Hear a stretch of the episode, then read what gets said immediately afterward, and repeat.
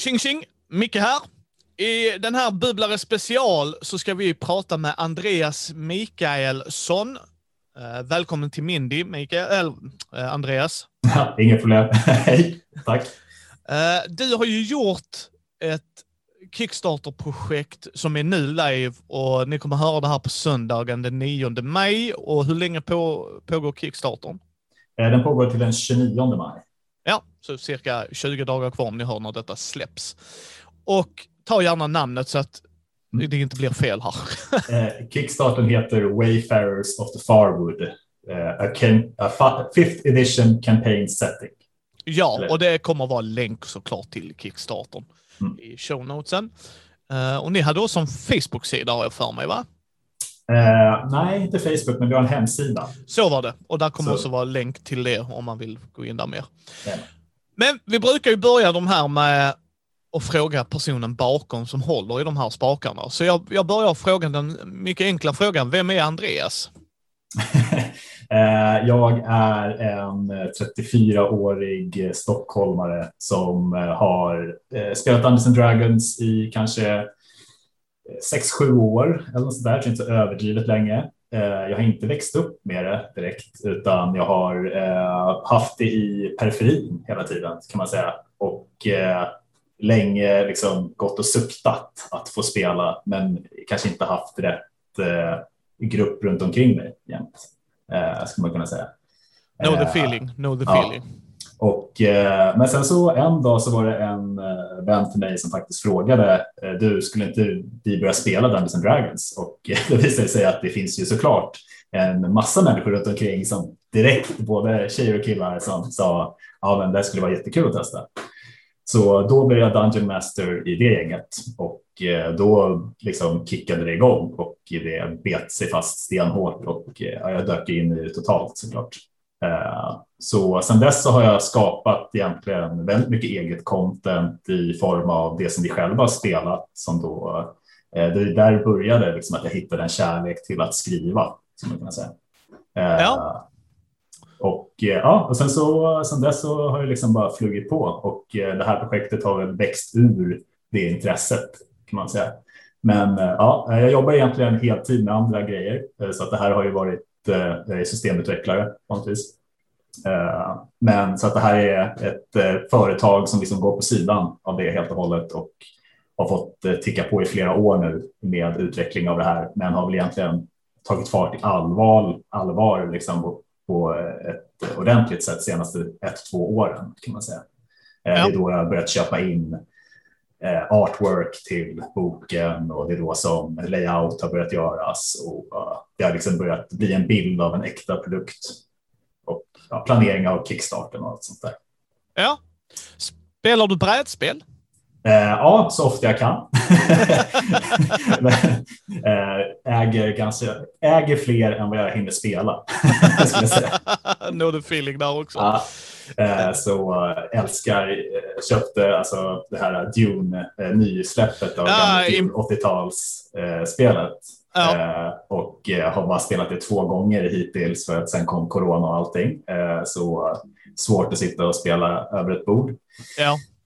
Så det längtar jag efter att få sitta och spela mer igen med folk. Det är nog stora favoriten just nu. ja. Är du Eurogamer eller Ameritrash om du förstår frågan?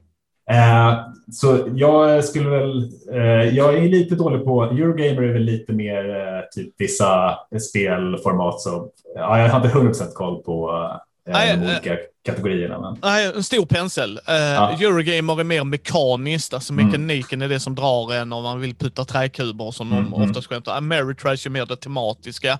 just det, eh, Liksom. typ Gloomhaven eller någonting ja, typ så här, stora, Ja. stora penseldrag här. Ja, okej. enkelhet. Ja. Eh, jag vill nog hellre spela då, eh, eh, vad kallas det, Mary, Ja. Mary Trash. Ja, det skulle jag nog säga. Eh, men det brukar ju ofta ta mer tid och engagemang än vad kanske Eurogames gör. Så det kanske oftare blir ett eh, liksom, ja, enklare, då. typ Settlers eller något sånt där är väl det som liksom verkligen folk dukar fram enklast. Liksom. ja. Eh, du, du spelar ju rollspel. Gör mm. du det fortfarande? Har du tid att göra det nu när du har gjort ett projekt? Och, och eh, vi kommer att spela ikväll, så det är ju bra. Ja. Fast det blir digitalt 100 procent. Eh, och det, jag har tagit av mig hatten som DM. Eh, så, ja, makes sense, makes sense. Ja. eh, så att det är eh, en nära vän till mig då, som gör det istället. Eh, så det känns jätteskönt. Och eh, så att, vi försöker klämma in det lite då och då. Sådär. så att vi har kört några digitala omgångar. Ja. Superkul. Ja. Är, är du rull eller rollspelare om du förstår frågan? Eh, rull... Nej, det är inte hundra procent koll. Nej, rull... Stor pensel här igen, gott folk. Ja. Eh, är, du, är du där för mekaniken, alltså eh, ja, rulla tärningar, eller är du där för att spela ut roller och vara mer? Eh, 70 procent rollspel, 30 procent mekanik skulle jag säga. Ja, ja, ja.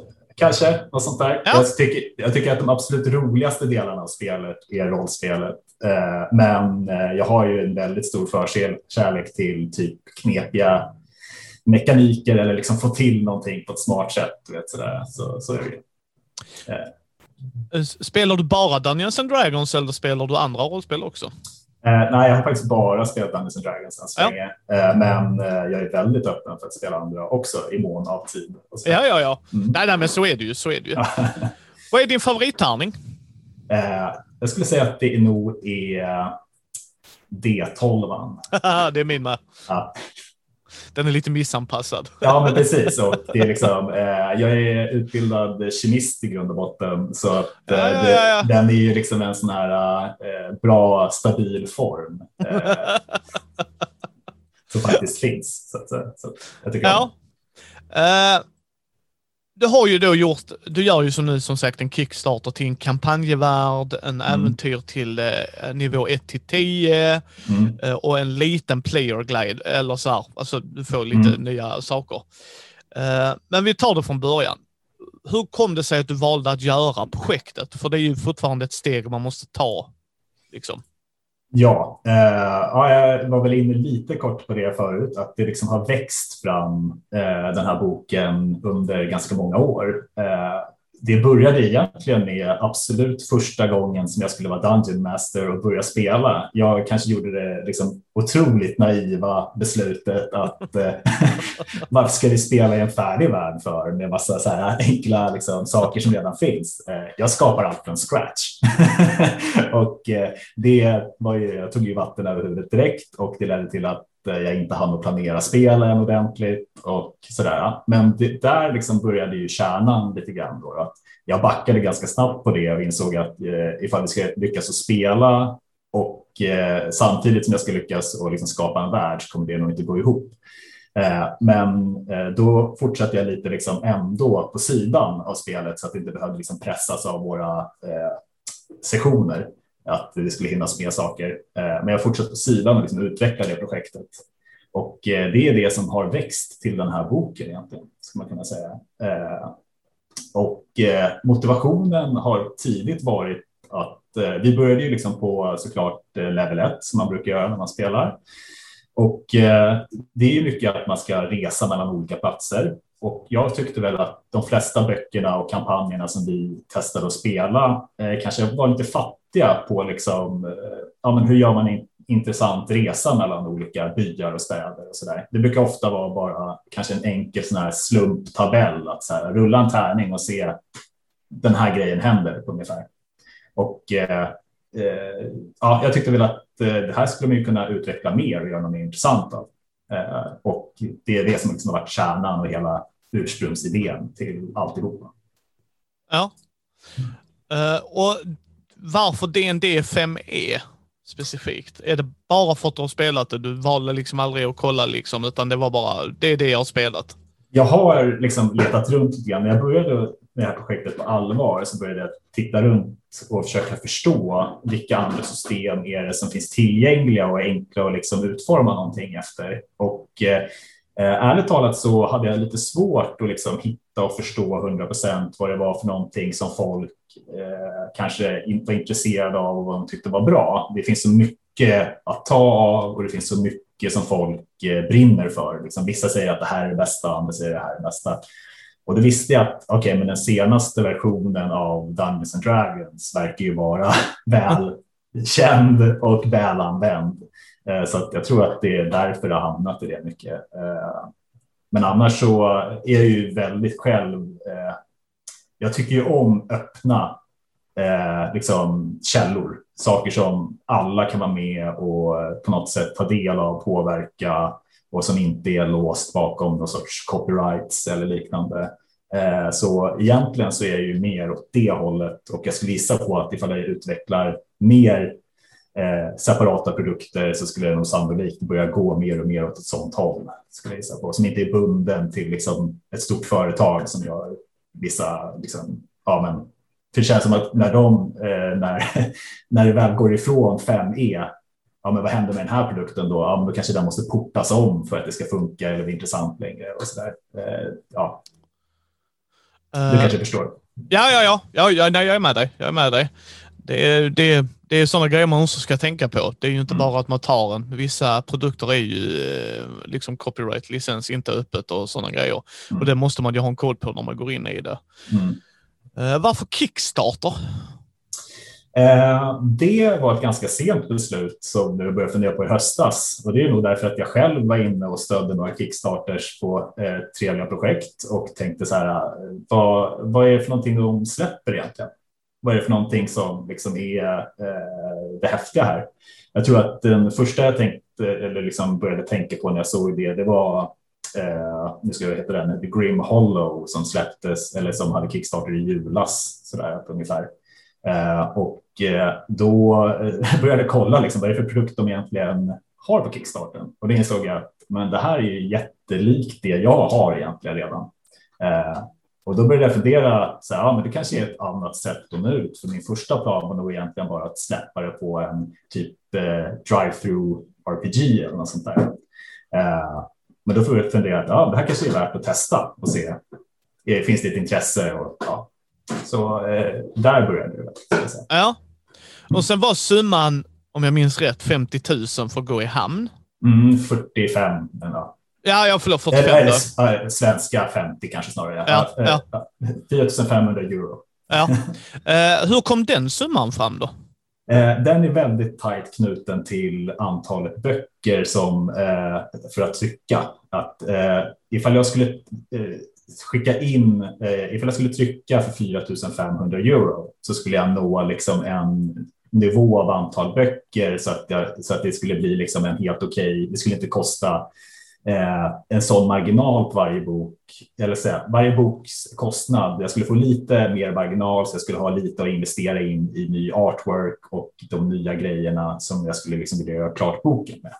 Eh, så att eh, det är liksom, ifall det skulle bli lägre än så, eh, så kände jag att ja, men då kanske det inte är så stor idé att trycka upp böcker eh, själv, utan då kanske jag får gå via en sån här portal. Eh, ja. Men om det blir mer än så så kommer det finnas ännu större möjlighet att såklart investera tillbaka mer i böckerna. Och så där. Ja, och sen är det ju då 25 dollar shipping, 15 mm. för oss i Sverige. Mm. Uh, 15 i Sverige. Ja. Hur, eller euro. Eller ja, euro är det ju. Uh, hur, um, hur har den summan kommit fram? Eh, det är en ganska enkel beräkning. Eh, jag har varit inne på, eh, jag tänkte använda mig av Postnord för att skicka ut böckerna och har kollat runt liksom på deras olika taxor. Och det ser ut på ungefär ganska på ett sådant paket som jag skulle skicka iväg till alla. Att det är ungefär någonstans 200-250 spänn för att skicka Eh, ett paket någonstans i världen av den storleken, förutom Sverige där det skulle hamna på typ 150. Så att det är ganska, då blir det en enkel, liksom, ja, men platt eh, kostnad för alla. Eh, jag har ju sett att, och det förstår man ju kanske varför, att det är väldigt många Kickstarter som använder sig av pledge managers och liksom inte lägger på shipping i själva Kickstarten. Eh, och eh, det är ju, eh, ja, det är ju regel mer än eh, undantag så att säga. Och det valde jag att inte göra för att eh, som sagt, det är ett väldigt litet gäng som gör det här och jag gör det eh, liksom mycket. Eh, ja, jag behöver slimma ner processerna så mycket som möjligt egentligen. Så att eh, då valde vi att gå via Kickstarters egna sådana här shipping eh, funktionalitet istället. Eh, ja. och det kan ju rent, ska man säga, det har ju risken att det jagar bort folk eh, från att faktiskt pledga för att man ser att det blir en ganska mycket större summa direkt vid pledgen. Eh, för att då ser man ju shipping också. Men den summan hade man ju antagligen fått betala oavsett sen med en pledge manager också, bara det att det hade kommit senare. Liksom. Ja. Så att eh, ja, jag ser väl som att det är en ganska eh, ärligt sätt att presentera kostnaden nästan. Ja, ja, nej, nej. Det, det, det, liksom, det ska man komma ihåg, each to its own och vad, vad man känner sig själv bekväm med. Som, du ska ju skicka alla de här grejerna och allt. Och, ja. uh, men jag tänkte vi hoppar in i projektet här Andreas. Mm. Uh, om du berättar, för det här är ju en kampanjevärld utöver alla andra mm. liksom göttiga grejer man får med om man är ett dd fan Så om vi mm. börjar med världen, för det är ju inte en, en vanlig high fantasy-värld. Jag förstod det som att det är mycket mer kontakt med naturen, mm. att, liksom, att det är eh, jag höll på att säga avatarkänslan, de blåa Ja, men nästan kanske. Ja. Ja, men liksom att det, de är ett med naturen, gudarna mm. är där och mm. uh, nu ska det är inte avatar så, men jag tänkte mer Nej, liksom, det, det är native folket mm. liksom som är där. Så om du mm. berättar lite kort om själva världen, vad kan man förvänta sig liksom kampanjevärlden ska vara? Eh, så jag ser det nästan lite som att det kanske utspelar sig i en alternativ bronsålder ungefär kanske eh, tidsmässigt, eh, fast i en helt annan värld såklart. I den här världen som heter Lorsun, heter själva The Plane, eller vad man säger, världen, är täckt i stort av en enorm skog som kallas The Farwood. Eh, I den här liksom, i den världen så finns eh, byar, städer och andra små civilisationer representerade som eh, små eh, platser som är eh, utspridda eh, mellan eh, eller utspridda i världen. Och att ta sig mellan dem är det som egentligen den stora delen av spelet går ut på, att liksom knyta ihop de olika platserna. världen i sig är, är väldigt, som du säger, kopplad till den här naturen och ekosystemet som man lever i. Eh, och eh, man spelar då som wayfarers som ska ja, men, eh, ta sig igenom det här stormiga havet som den här skogen nästan är. På något sätt. Eh, varför eh, det är lite speciellt också är ju därför att den här eh, skogen är i konstant ändring. Den är som ett, mer som ett hav än en skog, skulle man kunna se det som. Eh, så det finns inga eh, vägar eller eh, liksom leder som går mellan de här städerna och byarna eh, på grund av att de eh, sveps bort eh, kontinuerligt av skogens förändliga natur. Och det har med djupare saker i världen att göra, men det är något som kallas terralanches som då ändrar på terrängen. Och det här är ju spelmekaniskt så eh, upplever man det som att man aldrig reser genom samma eh, plats två gånger mer eller mindre, utan att det slumpas fram lite grann vad det blir för sorts terräng som man tar sig igenom. Eh, annars eh, ja, eh, jag ska väl fånga lite mer av världen kanske också. eh, att, eh, ja, men som du säger, världen så eh, jag brukar säga att det är en primordial värld på sätt och vis. Att det är eh, en värld av rå magi och eh, starka krafter som påverkar världen. Det är en eh, förhållandevis ung värld skulle jag säga. Eh, där eh, civilisation har inte funnits liksom i årtusenden och det har inte funnits gamla riken som har fallit och liksom kommit tillbaka. Men det finns fortfarande Eh, gott om ruiner av städer som har gått under av bara den här världens eh, ja, men egna eh, eh, utmaningar som finns i den. Eh, så eh, världen i sig är väldigt ja, men, kopplad till rå magi. Det är att man binder andar eller spirits till vapen och till sig själv för att liksom, förstärka sina egna eller få nya abilities. det är folk som eh, sjunger eh, vapen in till existens genom att eh, forma sten och trä till olika former. Och det, ja, väldigt sådär lite tribal på något sätt. Ja, ja för det har ju gjort, om man tittar på Kickstarter-sidan, mm. uh, nya regler för att resa som du sa, alltså att terrängen ändras och, och sådana saker. Liksom. Hur, hur har det kommit fram? Eh, så eh, det har eh, utvecklats då genom att Ja, men det är väldigt mycket från mina egna spel och erfarenheter. Att jag har suttit och haft kampanjer där vi har varit ganska tradigt att ta sig mellan punkt A till punkt B. Och jag har väl känt att det skulle vara kul att skapa en spelmekaniskt system som på något sätt gör det intressant och kul att resa, eh, där det finns mycket eh, initiativtagande för spelare att göra saker på resan. Eh, att det inte bara är en DM som sitter och egentligen berättar det här är det som pågår medan ni går, utan att det är att jag vill göra det här, jag vill testa det här, jag vill leta efter det här eller något sånt där. Eller kanske till och med att man måste göra någonting för att spelvärlden utsätter den för ett hinder eller för en, ja, någon utmaning. Eh, så att det är lite där som liksom eh, det spelmekaniska delen kommer in. Sen så har jag försökt att väva ihop det med en värld där det också rent eh, lårmässigt eh, funkar och liksom finns en, eh, ska man säga, en logik, en eh, historia som på något sätt passar till det här spelmekaniska. Ja, för det kan jag hålla med dig om att mycket resa är i många rollspel är från A till B bara. Mm. Uh, och det är ju lite vad man vill ha ut av det, men det är ju inte bara det du lägger till. Liksom, du, om jag förstod det rätt så är det lite så att du ska crafta grejer.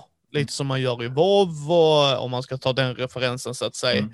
Det händer, och där är säkert rollspel som gör det, men i D&D är ju inte det supervanligt. Du kan göra potions som alkemist såklart, mm. men eh, fan få gånger jag har sett någon göra det. Alltså, ja.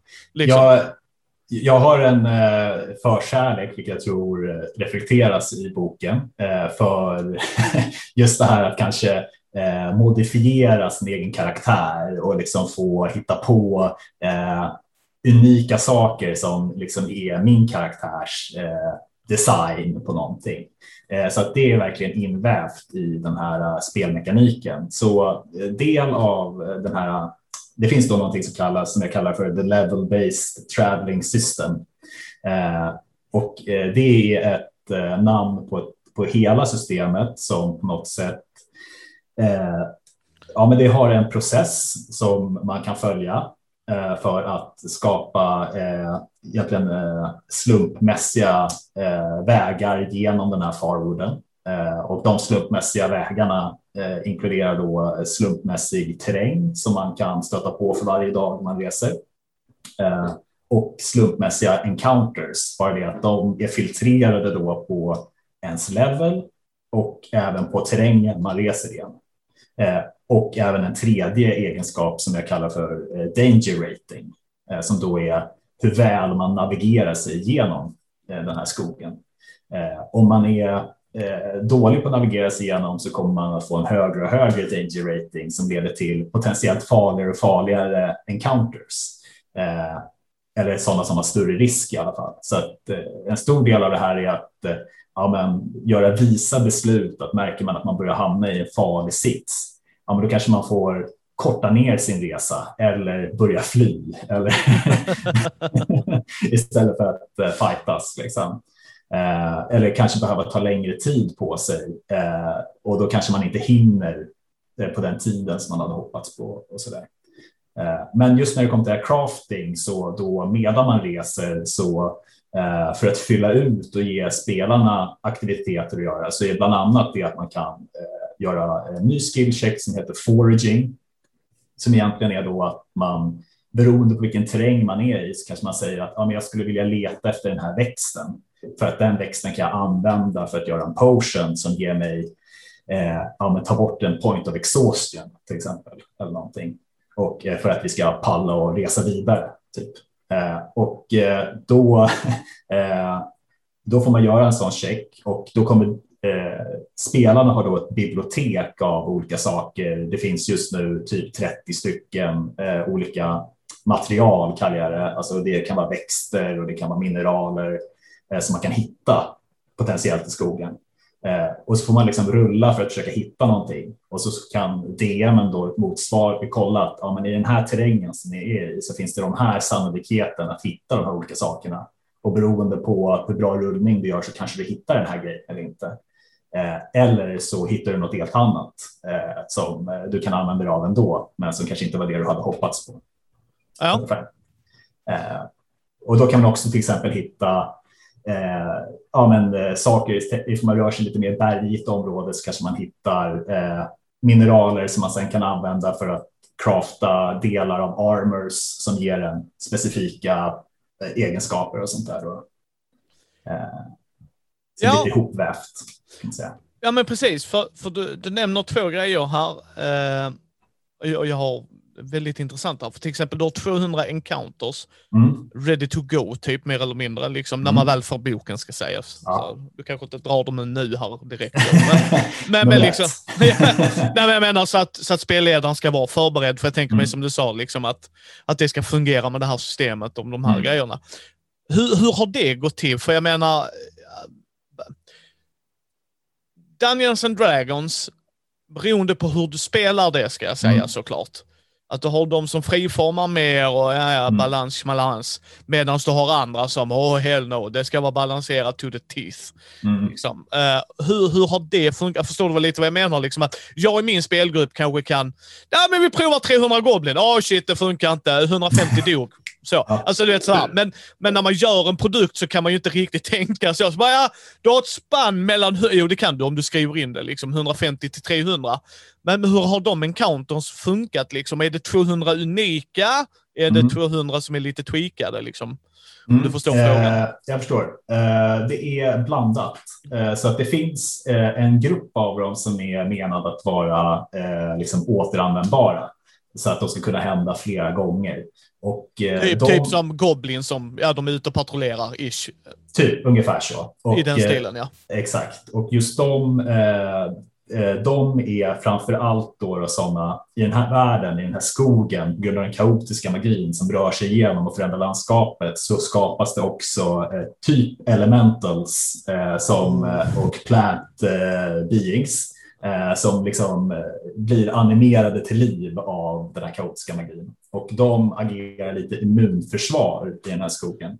Eh, så att de tycker inte om att det håller på att springa runt en massa wayfarers. Eh, så att ifall man stöter på sådana så får man oftast räkna med att det blir kommat Eh, och eh, om man inte själv lyckas snika förbi dem på något sätt. Då, då. Eh, och det är liksom den största eh, ska man säga, delen som är så här, om eller återbrukbar. Eh, sen så finns det, eh, men de räknas egentligen inte till de här 200 tror jag, utan de flesta andra encounters är egentligen lite mer unika, där man kan återanvända vissa med lite tweaks. Men sen så finns det några som verkligen är, det här kan hända en gång och då kanske det är att du hittar en gammal ruin i skogen som verkar vara helt opåverkad av den här förändrade terrängen. Den står kvar där jämt på grund av att det kanske är en magisk nod i liksom skogen. Eh, och då kan man liksom i sin världskarta då markera ut att eh, ja, men här har vi hittat den här unika platsen som kanske kan agera som någon sorts viloplats eller eh, när man håller på och reser och sånt där. Så då kan man hålla på att hitta sådana som man ja, men för varje person som spelar, för varje grupp som spelar så blir det en, unik världskarta för dem där man har hittat de här platserna på olika delar av världskartan. Och sånt där. Eh, är lite tanken. Eh, men balanseringsmässigt som egentligen var din fråga så... Eh, nej, nej, varit... det, var en, det var en helhetsgrej. För jag menar, ja. för, för, för det var jättebra att du sa det. Ja. Referensen till gobliner är att man oftast möter en patrullerande goblin. Mm. Och det där med elementen, liksom, vad, vad, kan man förvänta sig? För 200 encounters ska ju vara högt och lågt. Ju, liksom. ja, exakt. Eh, när det kommer till de här typ elementals så har jag försökt att balansera och speltesta och liksom egentligen bara räknat på eh, motsvarande så challenge rating eh, system och sånt för att se att det liksom liksom ska bli eh, en lagom nivå. Eh, jag skulle påstå att jag har pushat det till att vara lite farligare. Än, ja, ja. Eh, och framförallt så är, är det viss slumpdel i det, för man rullar hur många sådana här som man potentiellt träffar på av lite olika sort. Eh, så att det kan bli i värsta fall att man stöter på lite fler än vad man egentligen är beredd att eh, fightas mot. Och sen kan ju gruppen lägga upp det själv och jada jada och allt sånt ja. där såklart. Och tanken är att man ska, det finns möjligheter att fly och liknande då ifrån sådana här situationer. Det kanske leder till eh, problem i längden, men eh, förhoppningsvis så överlever man ändå. Eh, men eh, sen så när det kommer till de här andra lite mer utskrivna encountersarna så där lämnar jag det nog ofta till eh, Dungeon Mastern att eh, eh, att hantera det lite så som de helst vill. Det kanske är att det här är egentligen alldeles för farligt för den här leveln av grupp. Men det kanske inte heller är meningen att man måste, det måste kanske inte bli en fight, utan det kanske finns ett helt annat sätt att lösa det här problemet på. Och då brukar jag ofta ha lagt till också att om man lyckas lösa det på något smart sätt, då kanske man hittar någonting som är eh, en ja, en annan typ av reward än bara XP från att ha dödat ett monster. Liksom. Eh, och eh, det finns en liten kärna som också står i kickstarten kring det här som påverkat alltihopa och det är att eh, eh, jag har väl försökt att skapa lite grann att gå eh, eh att när man är i combat egentligen, att man inte alltid ska behöva döda Eh, det monster man stöter på, utan att det kanske är så att det här monstret är del av ett ekosystem i den här världen på något sätt.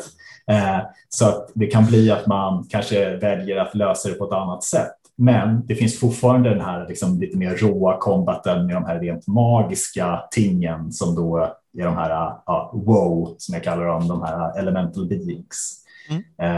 Som ja, eh, där man kan liksom få bara gå lös. Ja, it's to its own as per ja. usual. Ja. Eh, sen så sa du att det var ett sånt eh, materialbibliotek. Mm. Liksom, sådär.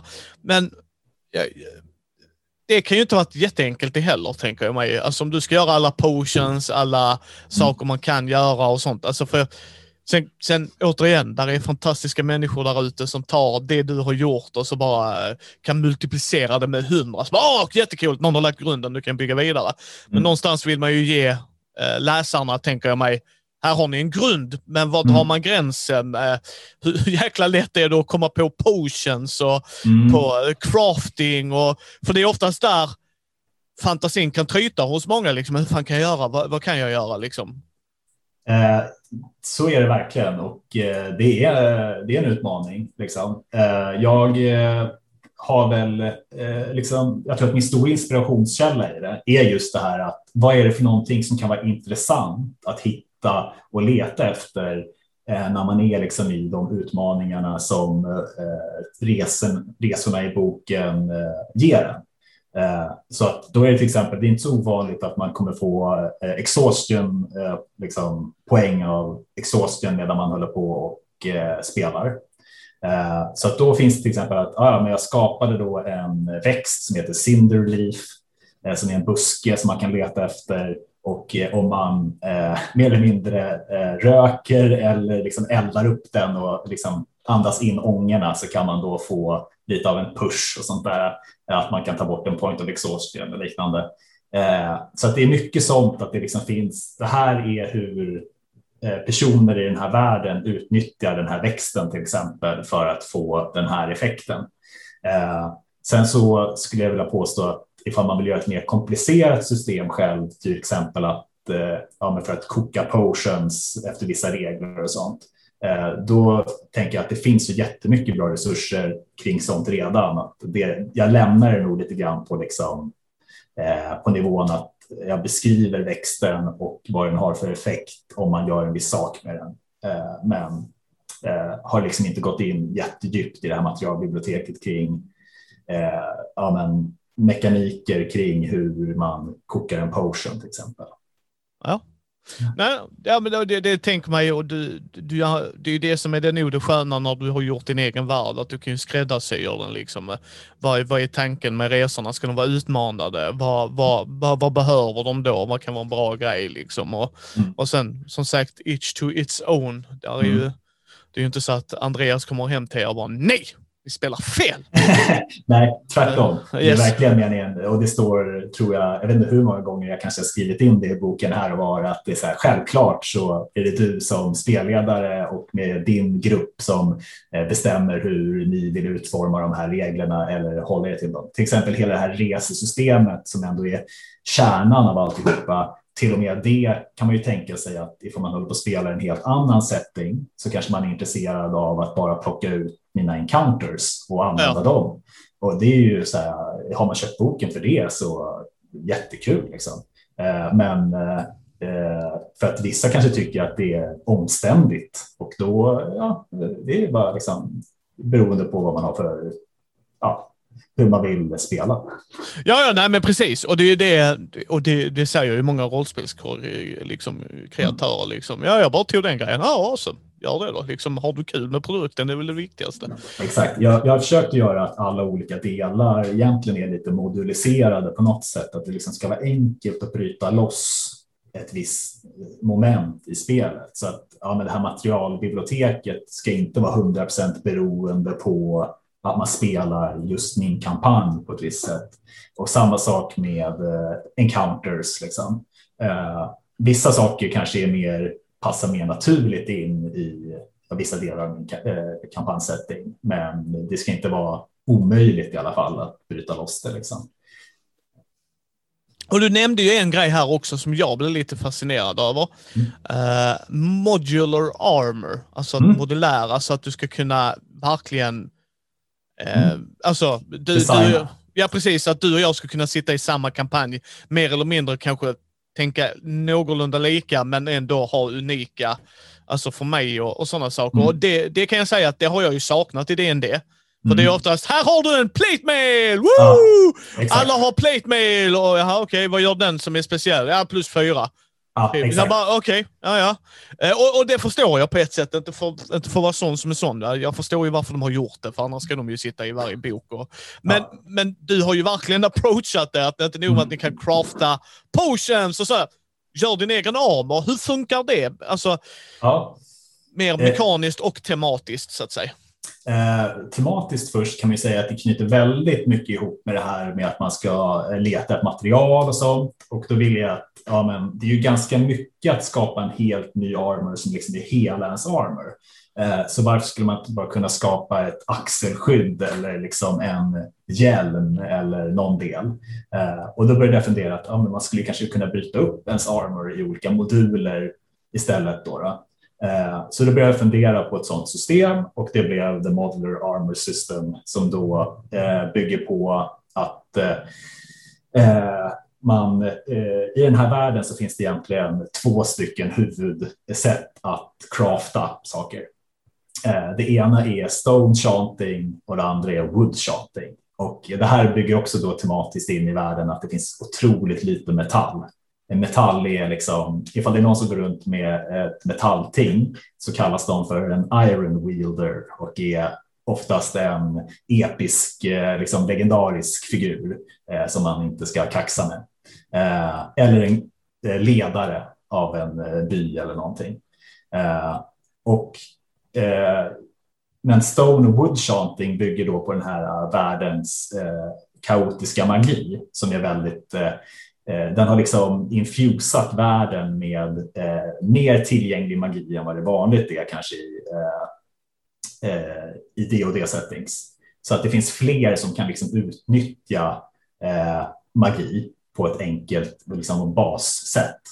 Och eh, en av de här magierna, eh, eller det finns då några enkla magier som kallas för the God songs som är eh, folklore spets, kallar jag det, som väldigt många kan utnyttja. Och eh, då finns det då de som mer eller mindre går runt och eh, formar träd eller liksom växter till vissa former och eh, kanske kan skapa ett handtag till ett svärd Eh, på det sättet.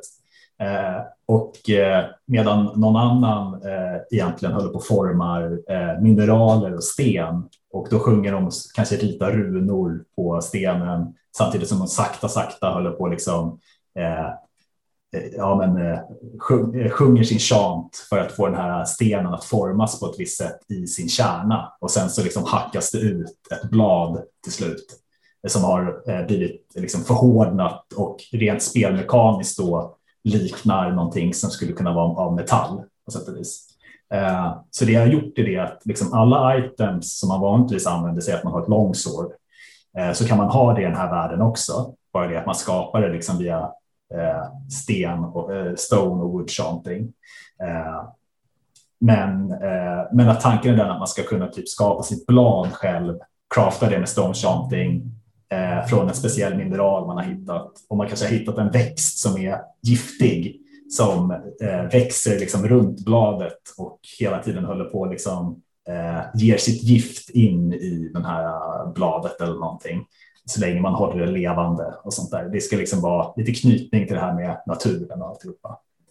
Eh, så eh, medan metall-items har fått en högre status i eh, det hela. Så att har man något av metall så kommer det vara extra buffat på vissa sätt. Då, eh, för att det är mer ovanligt. Eh, men eh, ja, precis. Nu vet jag inte ifall det var någonting annat i frågan där som jag missade. Nej, nej alltså, jag tyckte du fångade upp det rätt bra.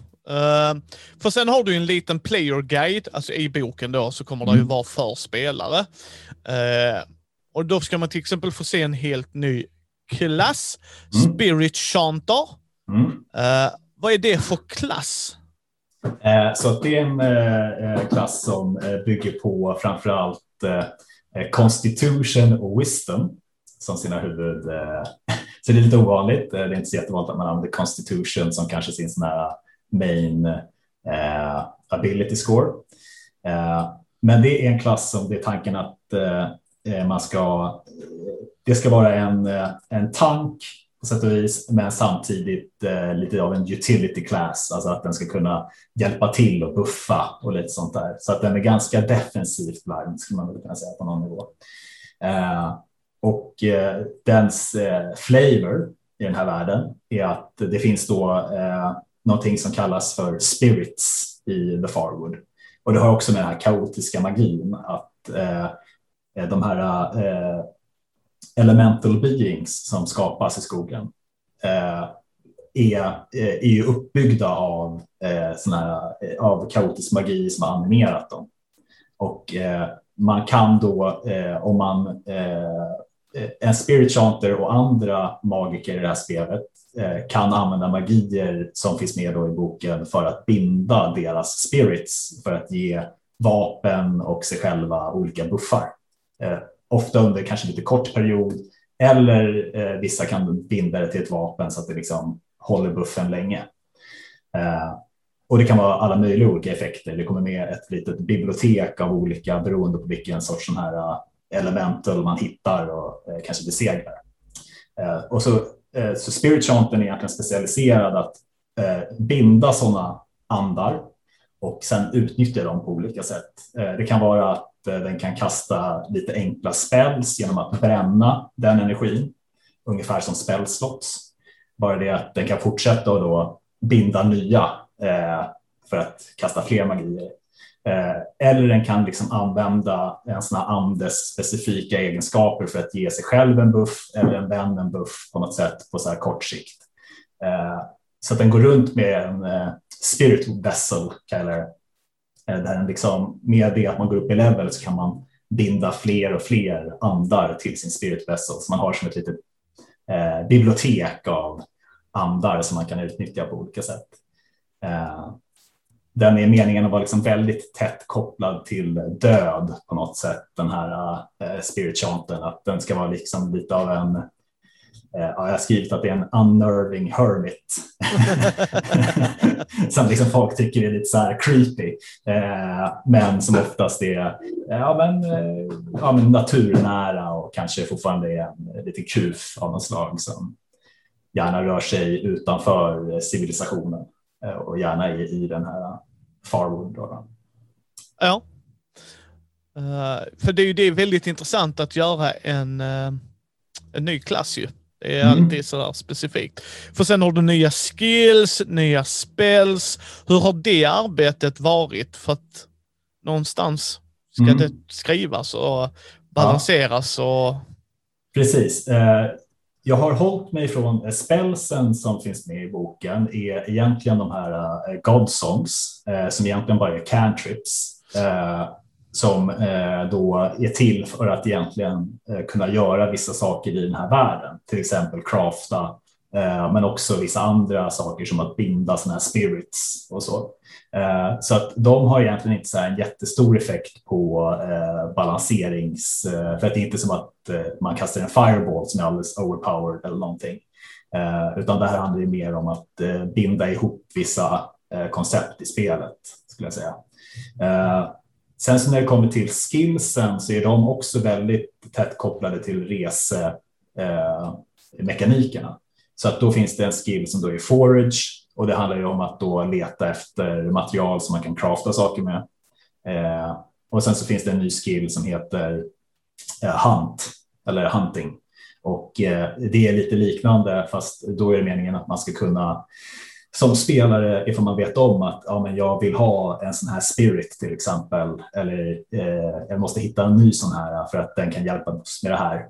Eh, då kan man potentiellt försöka leta upp det i Farwood då, då, genom att jaga efter det. Eh, det är lite det som är tanken. Eh, så att det är också väldigt så här, eh, skills och sånt som är mekaniskt ska berika resandet till att man kan göra lite egna beslut som spelare vad man vill göra medan man är ute och reser. Ja. För att, eh, eh, så att det har i alla fall inte varit så där jättetungt att mekaniskt eh, balansera. Eh, då eh, är det ju mer alla mina, klassen har ju speltestats en del för att försöka balansera och jag är väldigt så här eh, filosofi jag har när jag sitter och skriver, den här, suttit och skapat den här klassen Eh, och det gäller även alla de här subclasses som kommer komma nu med stretch goals som uppnåtts. Eh, så är det att det ska vara lite dubbeläggade svärd, att man på något sätt eh, man får någonting, men det ska kosta lite grann att göra det så att man ska det, jag tycker det är mer intressant än att man bara får en klass som bara buffar vissa av en stats och så, så blir man bara bättre generellt. Utan det, jag tycker att det är kul att det ska vara någonting som gör att man ja, men kanske hamnar i en situation av att shit, det här är jag sämst på. Eh, här behöver jag hjälp av mina spelkamrater eh, för att lösa det här. Eh, så att eh, så är det generellt så som jag liksom har försökt att gå in i det. Sen så har det bara varit speltest, speltest, speltest för att egentligen se blir det här för eh, ja, blir det här för OP? Ja, det kan jag tänka mig. Det kan jag tänka mig. För sen har du gjort om raserna, klasserna. Mm. Eh, även får man lite bakgrundsinformation och sådana saker. Och liksom, vad, vad har det varit svårast att göra där? För jag tänker mig någonstans vill man ju inte berätta för mycket, men samtidigt inte för lite. För man mm. känner ju att man skulle vilja ha spelarna ska kunna förstå världen och connecta till den. Liksom. Mm. Uh, I uh Eh, när det kommer till raserna så har jag skrivit om egentligen alla de grundraserna plus de som kanske har lagts till, till senare till hur de passar in i den här världen. Så till exempel eh, Dragonborns eh, finns väldigt eh, tydligt i den här världen som klaner som bor i klansamhällen i eh, bergsregionerna av den här världen och det är de som är lite grann eh, eh vad ska man säga, filosofer och eh, samtidigt också väldigt ekonomiskt lagda. De eh, är de som eh, i den här världen, eftersom att det finns väldigt lite metall så är det framför allt via slipade ädelstenar som liksom man använder som valuta och som kallas shards. Då. Och det är Dragonborn-klanerna som egentligen äger och opererar hela den här världens Eh, ja, men, eh, att de eh, skapar shards och gräver ut det och har eh, gruvor som man egentligen har, hittar eh, nya ädelstenar i och så där. Eh, ser man till eh, de klassiska kanske dvärgar, eh, människor och alver eh, så är det de som oftast är del av eh, de här städerna och byarna som finns utspridda i skogen Eh, dvärgar kanske till större del har eh, också lite mer eh, städer som är knutna till bergsregioner, lite klassiskt sådär. Eh, Bara om det ändrar något som funkar. Nej, exakt, precis. Det, det, behöver inte bli för mycket sådana här, eh, vad säger man, eh, att man inte kopplar ihop saker längre. Liksom. Nej. Men eh, och det är väl eh, eh, bland de vanligare liksom, raserna, skulle man kunna säga som vanligt. Men även att i Eh, ska vi se, det finns mer? Ja, men att jag har knutit ihop lite grann så att de här Dragonborn-klanerna har en ganska stark koppling till de som vill till exempel spela Tieflings eller Half-Orcs eller Goliaths eller liknande eh, genom så sätt att eh, de har egentligen jag ser ju half-orcs och tieflings som lite ovanligare raser som kanske inte har i den här världen eh, stora folkstammar som, eh, som de är del av, utan de har snarare blivit eh, assimilerade in i de här Dragonborn-klanerna som olika sorters eh, ja, men, tjänstemän eller kanske till och med bodyguards eller liknande. Eh, så att i den här världen så är det inte så ovanligt att man kanske är en tiefling paladin eh, som då har egentligen är en paladin av eh, de här Dragonborn-klanerna, att vara liksom en bodyguard mer eller mindre för dem. Eh, och för deras liksom, eh, eh, ja men, vände på något sätt. Eh, medan att eh, i de här småstäderna som är utspridda i skogen så finns det mycket mer koppling till druider och liknande eh, än vad man skulle se kanske i mänskliga städer i klassiska settings. Ja, där är ju där är många raser nu kan man ju säga och, och ja. allt det där och det, det kan jag förstå. Det är all heder till dig att du har tagit dig, för det måste ju tagit en jäkla tid att försöka omarbeta och allt, allt det där. Och... Ja, alltså det handlar ju mycket om bara att Eh, alltså det finns inte, det är inte som att det är vattentätt. Det finns definitivt säkert en massa eh, liksom, frågor som folk har och jag tänker att här, man får också eh, komma på och det finns alltid en öppning för spelledare att komma på själva hur man kan se att vissa saker passar in. men jag har försökt i alla fall hitta lite grann vad ja, men, vart de här olika raserna, hur de skulle kunna passa in. Och jag, skulle, jag tyckte det var tråkigt. Jag funderade från början, så här, ska jag skala av så att man bara kan spela tre raser i den här eller något sånt, för att det är bara de som finns för spelare. Men jag tycker att eh, det finns ju mycket kul att ta av. Eh, och, eh, så att jag tyckte att det var bättre att hitta hem till dem i världen och eh, det känns inte som att det har varit ett jätteproblem för att det har snarare bara berikat världen med liksom mer komplexitet som man kan ha som sin egen bakgrund helt enkelt. Eh, så ja, eh, det har varit ett ganska kul projekt och liksom få det att passa ihop. Det finns ju ofta den här känslan av att man hittar någonting och bara fan, det här tycker jag passade riktigt bra till. Liksom, den, där satte det eh, liksom att den här ja, men, rasen passade in i konceptet i stort. Eller att den här klassen ja, men ifall man säger, eh, ja, nu tog jag exemplet med Paladins, men ska fundera på något annat. Ja, men Rangers i den här världen är kanske en av de absolut vanligaste klasserna, men också en av de mest uppskattade. Att det är Rangers som ofta är wayfarers. Alltså i varje sån här grupp som rör sig runt i skogen så finns det nog oftast en ranger med, står det i boken. Eh, för att det är de som är specialisterna egentligen på att hitta rätt genom skogen. Eh, rent då, man måste ju inte ha det som spelgrupp om man inte vill, men att rent lårmässigt och de som finns eh, beskrivna i boken som NPC-grupper, eh, de är ju, eh, har ju alltid någon ranger som då är lite grann den som ska ja, men hitta vägen framåt i skogen och så där. Och det är ganska kul då att, hitta, att de får en ny unik roll i den här världen som verkligen känns som att det bara det är satt bra. Liksom. Ja, mer kärlek till Rangers. Mm. Eh, och utöver detta då, inte nog med ny subklass och allt det där, så har vi en kampanj från 1, inte till 5, utan 1 till specifikt 10. Mm. Eh, två frågor här, liksom först varför en kampanj mm. till det här projektet och varför 1 till 10? Eh, kampanjen är framför allt för att jag vill att det ska vara enkelt för folk att ta boken och liksom sätta igång och spela och känna att eh, man kan ta del av världen utan att DMen behöver liksom skapa allting från scratch själv från dag ett. Utan det ska vara liksom, eh, man har köpt boken och sen så kan man sätta sig några timmar senare och börja sitt första spel om man vill. Genom att bara, ja men det man behöver bara ha läst på lite grann om de viktigaste grejerna ungefär. Och sen så ska det liksom resten vara ganska enkla steg i kampanjen av det här börjar ni och eh, det här är platsen som ni börjar på. Eh, det här finns det lite uppdrag som ni kan göra och, eh, och sen så, så det var väl lite så. Sen så har jag en väldigt stor, som jag sa tidigare, alltså jag har hittat liksom kärleken till att skriva och att Eh, eh, komma på egentligen ja, men någon sorts storyline som man kan följa eh, i stora drag.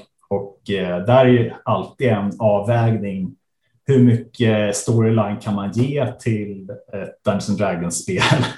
För att det är ju meningen att spelarna och Dungeon Master egentligen ska skapa story. Men man kan ju alltid ge i alla fall att det finns en tydlig antagonist eh, som man helt enkelt vet som spelledare vad de planerar att göra för något. Eh, så att man kan sen skapa eh, stories runt det, att de påverkar spelet på något sätt. Eh, så att det började med att jag skapade en väldigt tydlig eh, grupp i det här fallet som kallas The Iron Thieves eh, som håller på med något fuffens i världen. Och I det här fallet så är det då att de håller på att, eh, och det är någonting som man börjar märka som spelare med det att man har börjat spela lite och kommit lite in i spelet. Att det börjar gå rykten om att det är någon eh, grupp eh, av banditer, mördare, någonting som håller på och rånar och stjäl de få metallitems som verkar finnas i världen. Att de går och helt enkelt attackerar och lyckas stjäla och döda saker ifrån ja, med de eh, episka krigare och liknande som finns i världen. Eh, och man vet inte varför riktigt, men man börjar liksom dras in i den här storyn och eh, då visar det sig, utan att spoila saker, att eh, det finns en, eh, ja, men, eh, en story som egentligen bottnar i ett Eh, väldigt etiskt dilemma. Så att eh, min förhoppning i slutändan när man liksom kommer till slutet av den här storyn är att man inte ska tycka själv som spelare att det är självklart vilken sida man står i i den här kampen. Eh, men att den ena sidan kommer innebära en enorm kostnad för världen och den andra eh, kanske är den som man ja, men, tror att man i alla fall borde kämpa för och vilket man sannolikt kanske gör också. Och, sådär. Eh, och ja, eh, kan ju säga spoiler alert och gå in djupare på det om det är intressant. Men, uh, nej, nej, men det är vi. Det, för det är det jag tänker mig. Men varför 1 till 10? Varför den mm. nivån? Eh, ett säger väl sig själv, tror jag, ja. att man kommer in på tidig nivå och får lära sig saker och lite hur det funkar. Eh, men det blev väl lagom till tio tyckte jag. Det är så här, ifall man ska göra en intressant tycker i Dungeons and Dragons lite combat-system och skills och sånt funkar så tycker jag att när man har kommit över level 5 då börjar det liksom bli lite mer intressant oftast. Ja, jag håller helt med. Jag håller helt och med. Då kändes det som att ja, men ifall jag vill skapa en storyline som eh, har tagit den ut ur minsta byn till lilla området runt omkring till att man har kommit upp på ungefär en världsnivå. Eh, då måste man dra upp det till level 10 för att det liksom ska bli en lagom skalning. Eh, ifall man inte kommer upp till level 10 då kommer man sannolikt inte ha varit ute och rört sig i världen i stort och eh, kanske räddat något större i slutändan än bara kanske sin hemstad eller hemby eller något sånt där. Eh, så att, ja, då level 10 blev en lagom för den liksom potentiella episka slutstriden som på något sätt kan få saker att eh, stå eller falla på en eh, större nivå. Ja, nej men precis. För jag menar, jag håller ju helt med dig. Jag håller helt med dig Andreas. Alltså att efter level 5, det är då det blir kul på mm. riktigt. Alltså, storyn kan alltid vara kul och om det är ett bra skrivet äventyr så absolut så här. Men efter level 5, det är då man inser vilka spels man får tag på, vilka grejer du kan göra, eh, liksom, alltså alla klasser. Mm. Liksom verkligen, så det håller jag med dig om. Men det är ju också en skillnad, tänker jag mig, i att skapa encounters, att, alltså så här, liksom för att det blir ju tuffare spelare. Mm. Liksom. Det, Eh, och det är samma sak kontra då att göra 1 till 5, att man inte vill göra det för tuffa. För att du är flugskit mer eller mindre när du level 1. så bara, tänker jag, vad var det? Ja. ja. det var en gud. Han bara typ eh, flickar bort dig. Så bara, Jaha, Precis. ja, ja. För, för det har jag ju märkt att det är en viss distans mellan liksom när folk går in. Jag är världens bästa ranger! Nej, du är level 1 du vill bli världens bästa ranger. Det är helt okej. Okay. Ja. Men alltså, du vet så att de liksom så här, ja men jag kan ju inte göra så mycket just nu, nej. Så att det var det jag tyckte var jätteintressant att du valde just level 10. Alltså att, för, för då har du rätt, då har de ju fem levlar på sig att, alltså nu jävlar, för där händer ju grejer mellan varje nivå. Exakt, och det reflekteras väldigt mycket i den här storylinen i kampanjen. Att det liksom går, i, i början av kampanjen ser man egentligen, man bryr sig om sitt eget. Man är en grupp eh, man möts i början av kampanjen egentligen bara av det gemensamma målet att man ska bli ett sånt här eh, wayfaring company mer eller mindre, alltså en grupp som eh, ska tjäna pengar på och liksom lite och bli mer erfarna att resa mellan olika byar och ta med sig saker, nyheter, kanske folk eller folks ägodelar eh, mellan de platserna. Så man tar egentligen på sig contracts i det här spelet, vilket är ett contract, egentligen en liten mini, eh, vad säger man, en sidequest eh, som man kan ta på sig eh, för att göra. Och då kanske den säger att ah, men ni har så här lång tid på er att ta er till den här platsen och leverera den här grejen och ni kommer få betalt så här mycket. Eh, och då är också tanken lite grann att eh, den som är spelledare kanske kan skriva ut eller själv skapa ett vet, fysiskt kontrakt som man ber får sina spelare att eh, skriva under på ungefär att, som karaktärer att ta på sig ett visst uppdrag och göra det. Och då måste man ta sig igenom den här skogen och klara den resan. Och så får man ju då XP och liknande att ta sig igenom det. Och upp till kanske level Eh, tre så blir det liksom att ja, men bara ta sig runt på det sättet. Men till slut så får man ett uppdrag då att ta sig väldigt mycket längre än vad man hittills har gjort. Eh, tidigare som man bara rört sig runt egentligen den lilla delen av världen som man eh, börjar i. Eh, och då öppnar sig världen mer plötsligt och då börjar man stöta ihop med den här, ska man säga, djupare äkta storylinen som på något sätt vidrör världen i stort eh, och börjar nysta upp det sakta men säkert. Eh, så det, det är liksom eh, del av tanken också i kampanjen, att det ska vara eh, kampanjen skalar med level på något sätt hela tiden. Ja, nej, nej, och det är precis, alltså, det, det, det är ju ett arbete i sig. Men mm. vad har du fått till den här världen, till, till hela shebanget så att säga? Var har du fått inspiration ifrån? Eh, jag skulle säga att min absolut första och djupaste inspiration är nog Dune-böckerna av Frank Herbert, vilket låter konstigt för det är sci-fi. men, eh, men det som är den djupa inspirationen där är att jag älskar alltid hur de har skrivits ifrån. Eh, han tog sju år på sig tror jag innan han, på att skriva första boken. Och eh, under de åren så läste han på enormt mycket om ekologi och hur liksom, eh, världar skapas rent eh, naturvetenskapligt eh, och hur öken sprider sig och liknande. Eh, innan han liksom började då skapa världen, ja, Dune-världen med sina eh, sandworms och hela den ekologin, hur det funkar. Och jag minns första gången jag läste Dune och lärde mig, nu ska jag inte säga för mycket, stora spoilers för er som inte har läst Dune och eh, inte kom, eller kanske, eh, men att liksom den här världens ekologi bygger i grund och botten på Eh, hur de här sandwormsen fungerar, hur deras liksom, eh, att det är de som på något sätt har skapat hela den här världen. Eh, att det finns ett system i grund och botten på något sätt. Ifall man förstör det systemet så kommer världen förändras utav det också. Och det var någonting som jag ville skapa själv också. Jag ville skapa en värld där det fanns grundläggande regler som är det som gör att i det här fallet att världen är en stor skog som är ständigt förändlig. Eh, så det finns eh, det finns en grundläggande läggande, eh, ja, logik kanske är att ta i, men ändå liksom grundläggande principer för varför det här funkar som det gör. Och, och som sen då har vågor, effekter på sig, ripples, som då ska är det som gör, målar upp resten av världen, varför den är som den är. Och det är knutet till allting från gudarna till den här förändliga skogen, till varför det finns så lite metall, till eh, ja, men en mängd olika saker. Ja. Eh, och det står beskrivet väldigt väl för den som är spelledare i boken.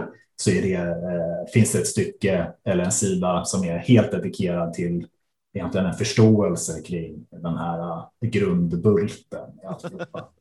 Stommen så att säga. Ja, men precis. Ja.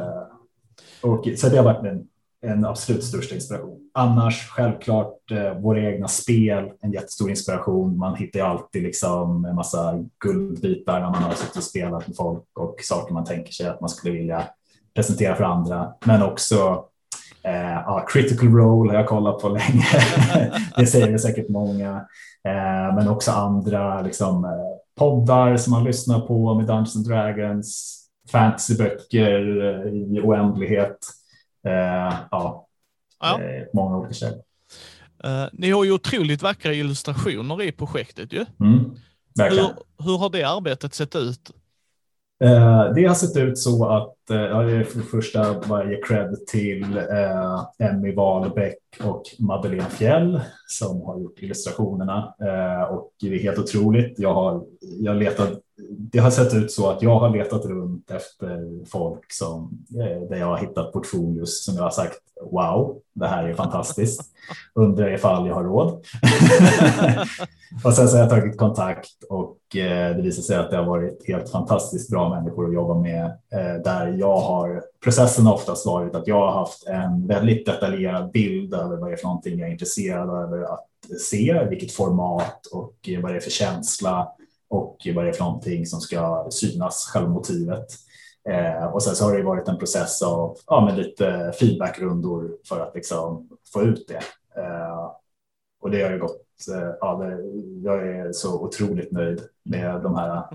Eh, vi, jag är ju, eh, och det ska man vara öppen med, alltså jag är ju ett eh, litet eget företag i det här egentligen, men har ju eh, fått de här illustrationerna är någonting som jag då köpt in via dem Eh, men eh, ja, jag kunde inte vara mer nöjd med att ha hittat ett samarbete med de här illustratörerna och hoppas att verkligen kunna göra mer. Liksom. Ja, alltså för det, det, det, illustrationer tycker jag personligen är väldigt viktigt i rollspel för att sätta mm. världen. Framförallt om jag ska ha en världsbok. Eh, indiespel, alltså så här, nu snackar jag men i traditionell mening om vi ska spela tradspel, mm. så är det väldigt viktigt för mig. Liksom, mm. vad är, från bild säger mer än tusen ord och gör det. Liksom. Vad, är, vad är tanken? Är det liksom dark and gritty? För då mm. sätts mm. det oftast i illustrationen. Är det mer öppet? Jag menar, mm. Dungeons and Dragon, deras produkt beroende på vilken värld det är, men min product line ska jag säga är high fantasy och det tycker jag inte får liksom, av böckerna. Så jag tycker du har faktiskt fångat det med naturen och det liksom på första bilden du ser på Kickstarter-pagen till exempel. Mamma, okej, okay, jag ser lite var du vill komma i alla fall. Just det. Ja, tanken är ju verkligen att få känslan av att så här, typ, det är en öppen värld med en stor skog som, eh, och du är på väg genom den. Du är just nu på en väldigt eh, knepig bit när du håller på att klippa, eh, klättra på några klippor. Men precis när du har tagit över krönet så blir du, eh, eh, vad säger man, eh, eh, eh så får du en, eh, en, fantastisk vy över den här guden som kommer knatande förbi. Ja, ja, alltså du, du, det är mycket, mycket fina, mm. mycket, mycket vackra illustrationer. Mm. Så man kan ju titta sig blind på sådana grejer. Um, men jag tycker och, du förhöjer.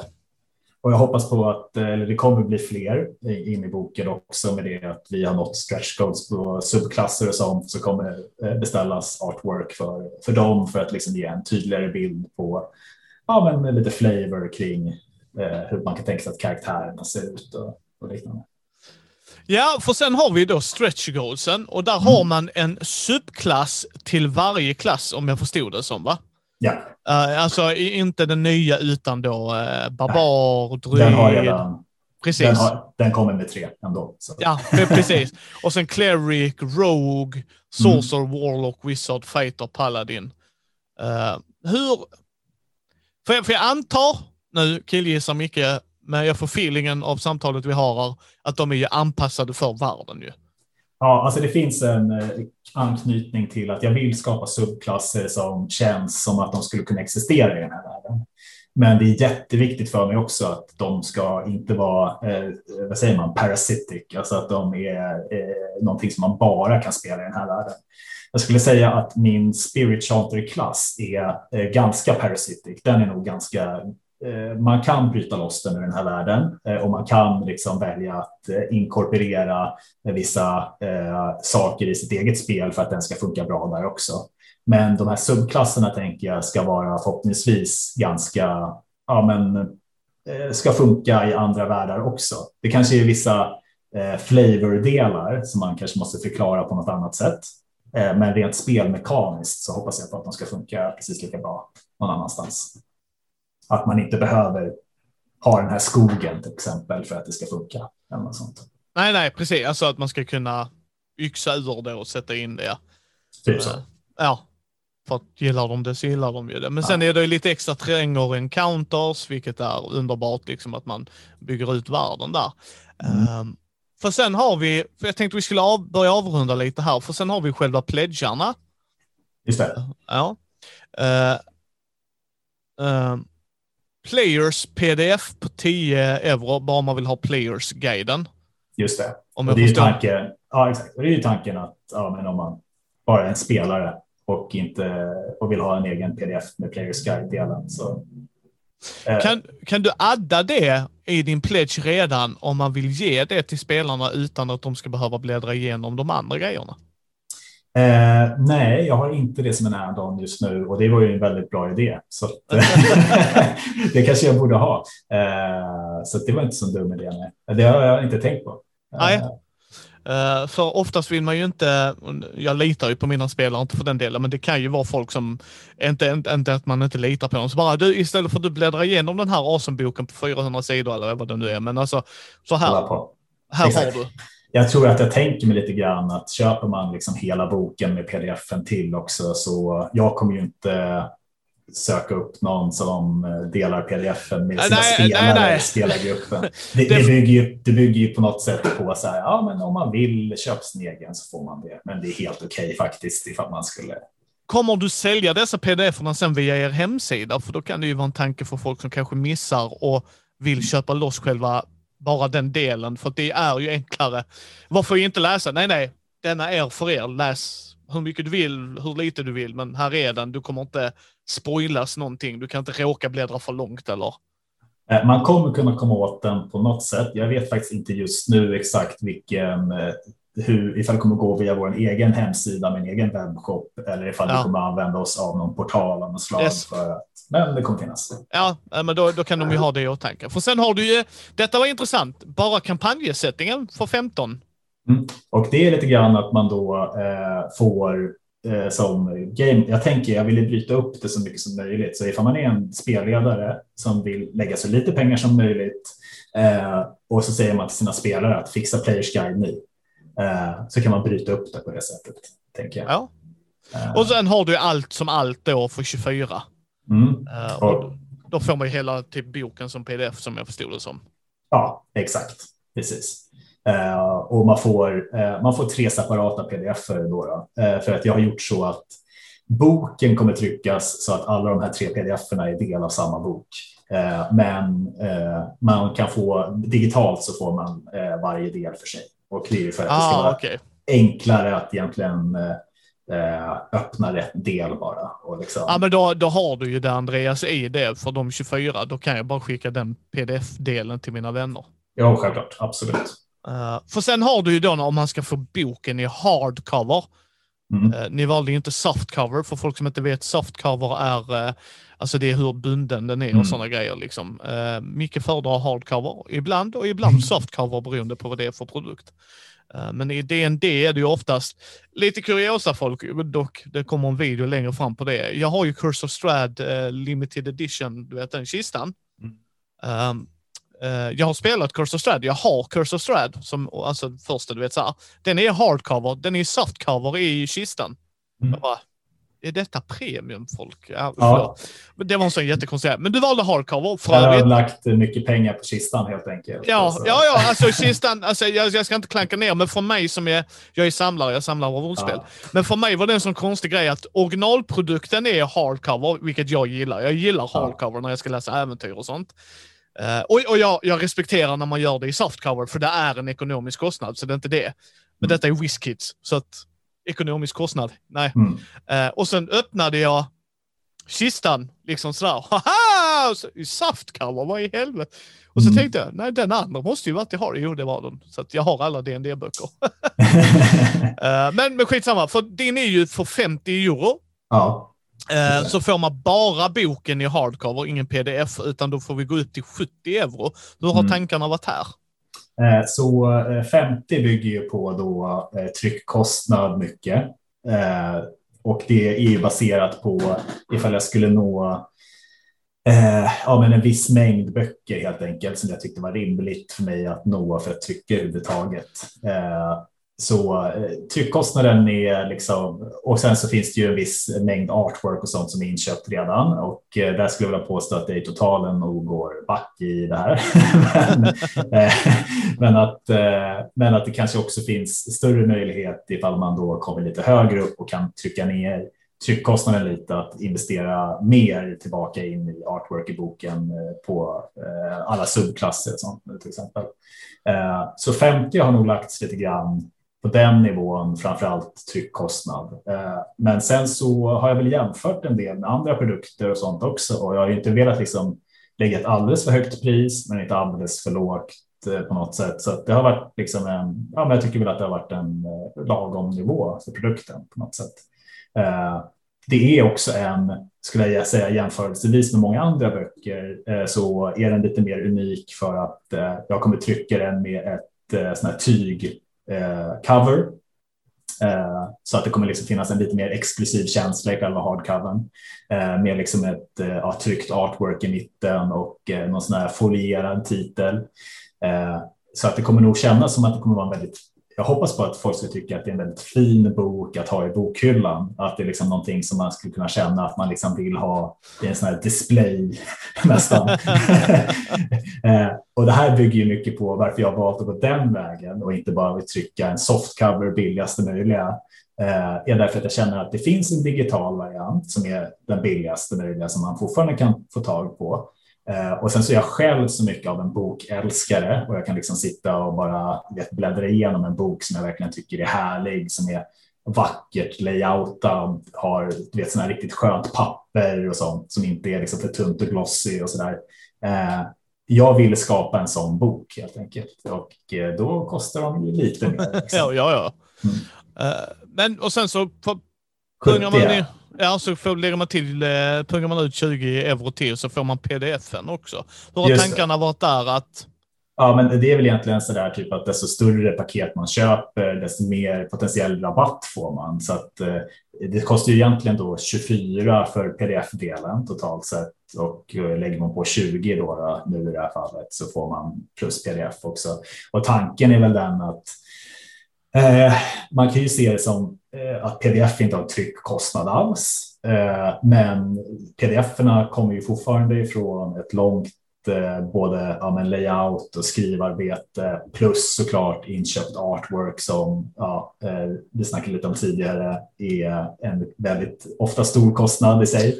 oh, ja. det, är- det är en grej folk underskattar tyvärr. Ja, Eh, Så att eh, ifall man bara skulle ge bort pdf-erna eller nästan eh, och inte ta betalt för dem ens i formen av jag kan tycka att det känns lite konstigt ifall man har att man kan köpa pdf-erna separat och sen så ger man bara bort dem med hardcovern på något sätt. Eh, jag vet inte, det kanske låter snålt, men eh, det känns också som att de som köper pdf-erna eh, får betala, liksom, eller de som köper hardcovern Ja, det blir lite jämställt på något sätt, så där, att man betalar för produkten man köper. Lite grann.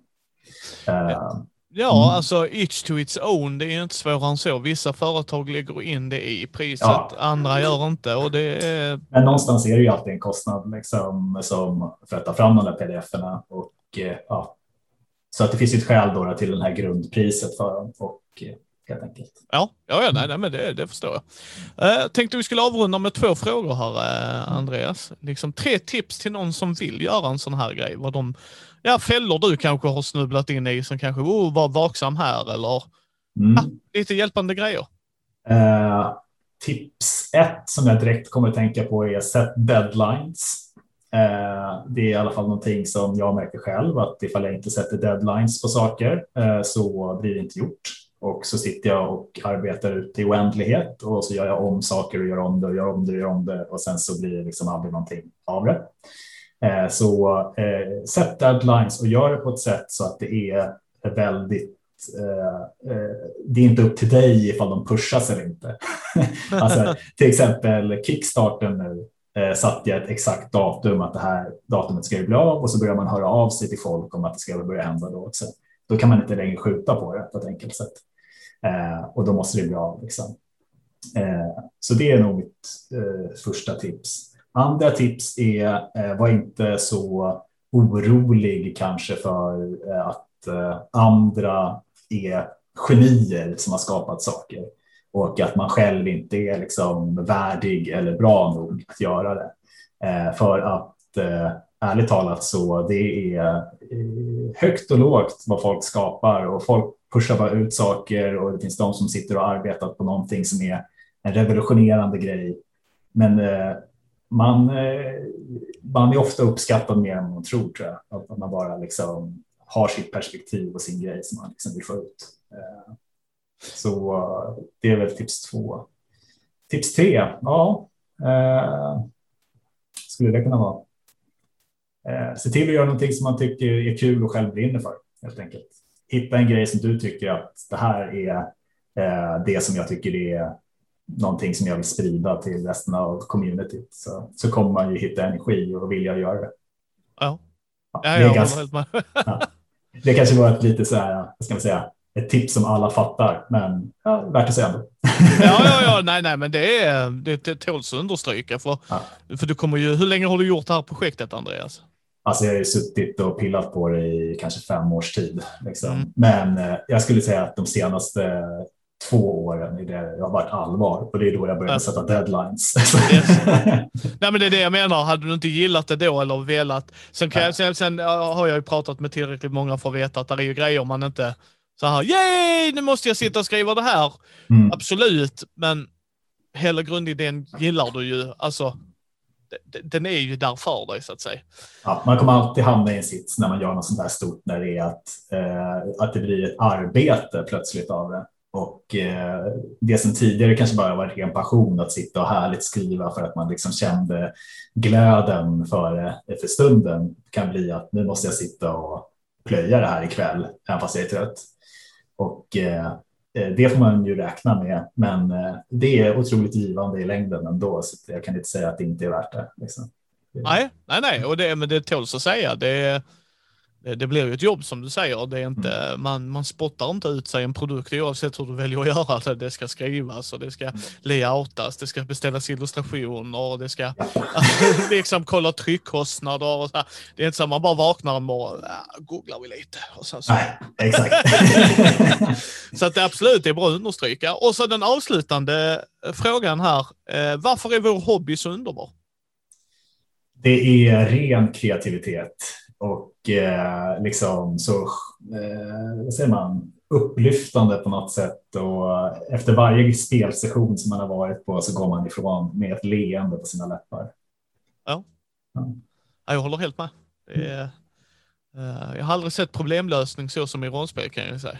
Nej, och, Nej och, eh, alltså det, finns, och det, det, finns ju mycket artiklar och sånt som säger att man faktiskt får mycket bra egenskaper som ledare och liknande genom att rollspela. Alltså det tror jag så otroligt mycket på. Att det ja, liksom ja. finns en ödmjukhet också som man måste sätta sig för att liksom vilja eh, uttrycka sig som en annan karaktär för andra människor. Så det... Ja, och sen att man vet att man inte är världsbäst. Ja. Du kan, alltså det är på svart och vitt i ett rollspel, oftast inte alla, men liksom du kommer inte så här, det här är, det här är en level 4 challenge. Du, mm. You ain't gonna do that solo. Ain't gonna work. Liksom, och det, det blir ju tydligt att då, men vänta lite nu, Andreas kör Ranger, då kan vi alltså, Mm. och då blir det ett helt annat tänk att man, och det är också svart och vitt, att man ser vad är Andreas bra på, men Mm, det hjälper ju en att bygga vidare på det, så då håller jag helt och hållet med dig. Teamwork. Ja, och sen lära sig sätta sig in i andra människors Mm. situation. Alltså Ja, liksom att verkligen. tänka Att på... rollspela det. Liksom. Ja. ja, men också att du, du går med från bordet, att när du kanske står och argumenterar med en människa, så bara helt plötsligt, bara, vänta, vänta. Varför tycker hen så? Mm. Aha, det är din bakgrund. Okej, vi, wow, vi är helt off. Vi, har, vi Mm. tänker du helt olika infallsvinklar. Och det får man när man kör en karaktär som man kanske själv inte är. Liksom. Vad gör du? Ja, jag punchar allt, det löser allt. Liksom. liksom, och sen andra gången så kanske du vill spela en diplomat. Och, Mm. Ja, det är, alltså, fantasin sätter bara gränser. Så är det. Tack så hemskt mycket Andreas. Ja, tack så jätte- jättemycket. Det har varit eh, väldigt kul att få vara med. Ja, eh, som sagt, länk i show notesen. Det var den 29 maj sista dagen va? Ja, precis. Precis. Eh, och ni kommer, detta kommer släppas den 9 maj, så ni har 20 dagar på er att bestämma er. Mm. Eh, så att vi eh, håller tummarna här. Du är ju fundad än så länge. Ja, det är kul. Ja, Ja, så att eh, det blir ju av, gott folk. Sen får vi eh, hoppas på så mycket lull som möjligt här så att ni kan få alla subklasser och kunna grotta ner er, er i, eh, i Andreas eh, värld här. Eh, ni hittar oss på mindy.nu, ni hittar oss på Mindys bräd och rollspelspodd på Facebook, Twitter, Instagram, YouTube. Ge oss gärna ett betyg på vår Facebook-sida och på iTunes så fler kan hitta oss. Vill ni stötta oss, ta en titt på vår Patreon. Så hörs vi nästa gång.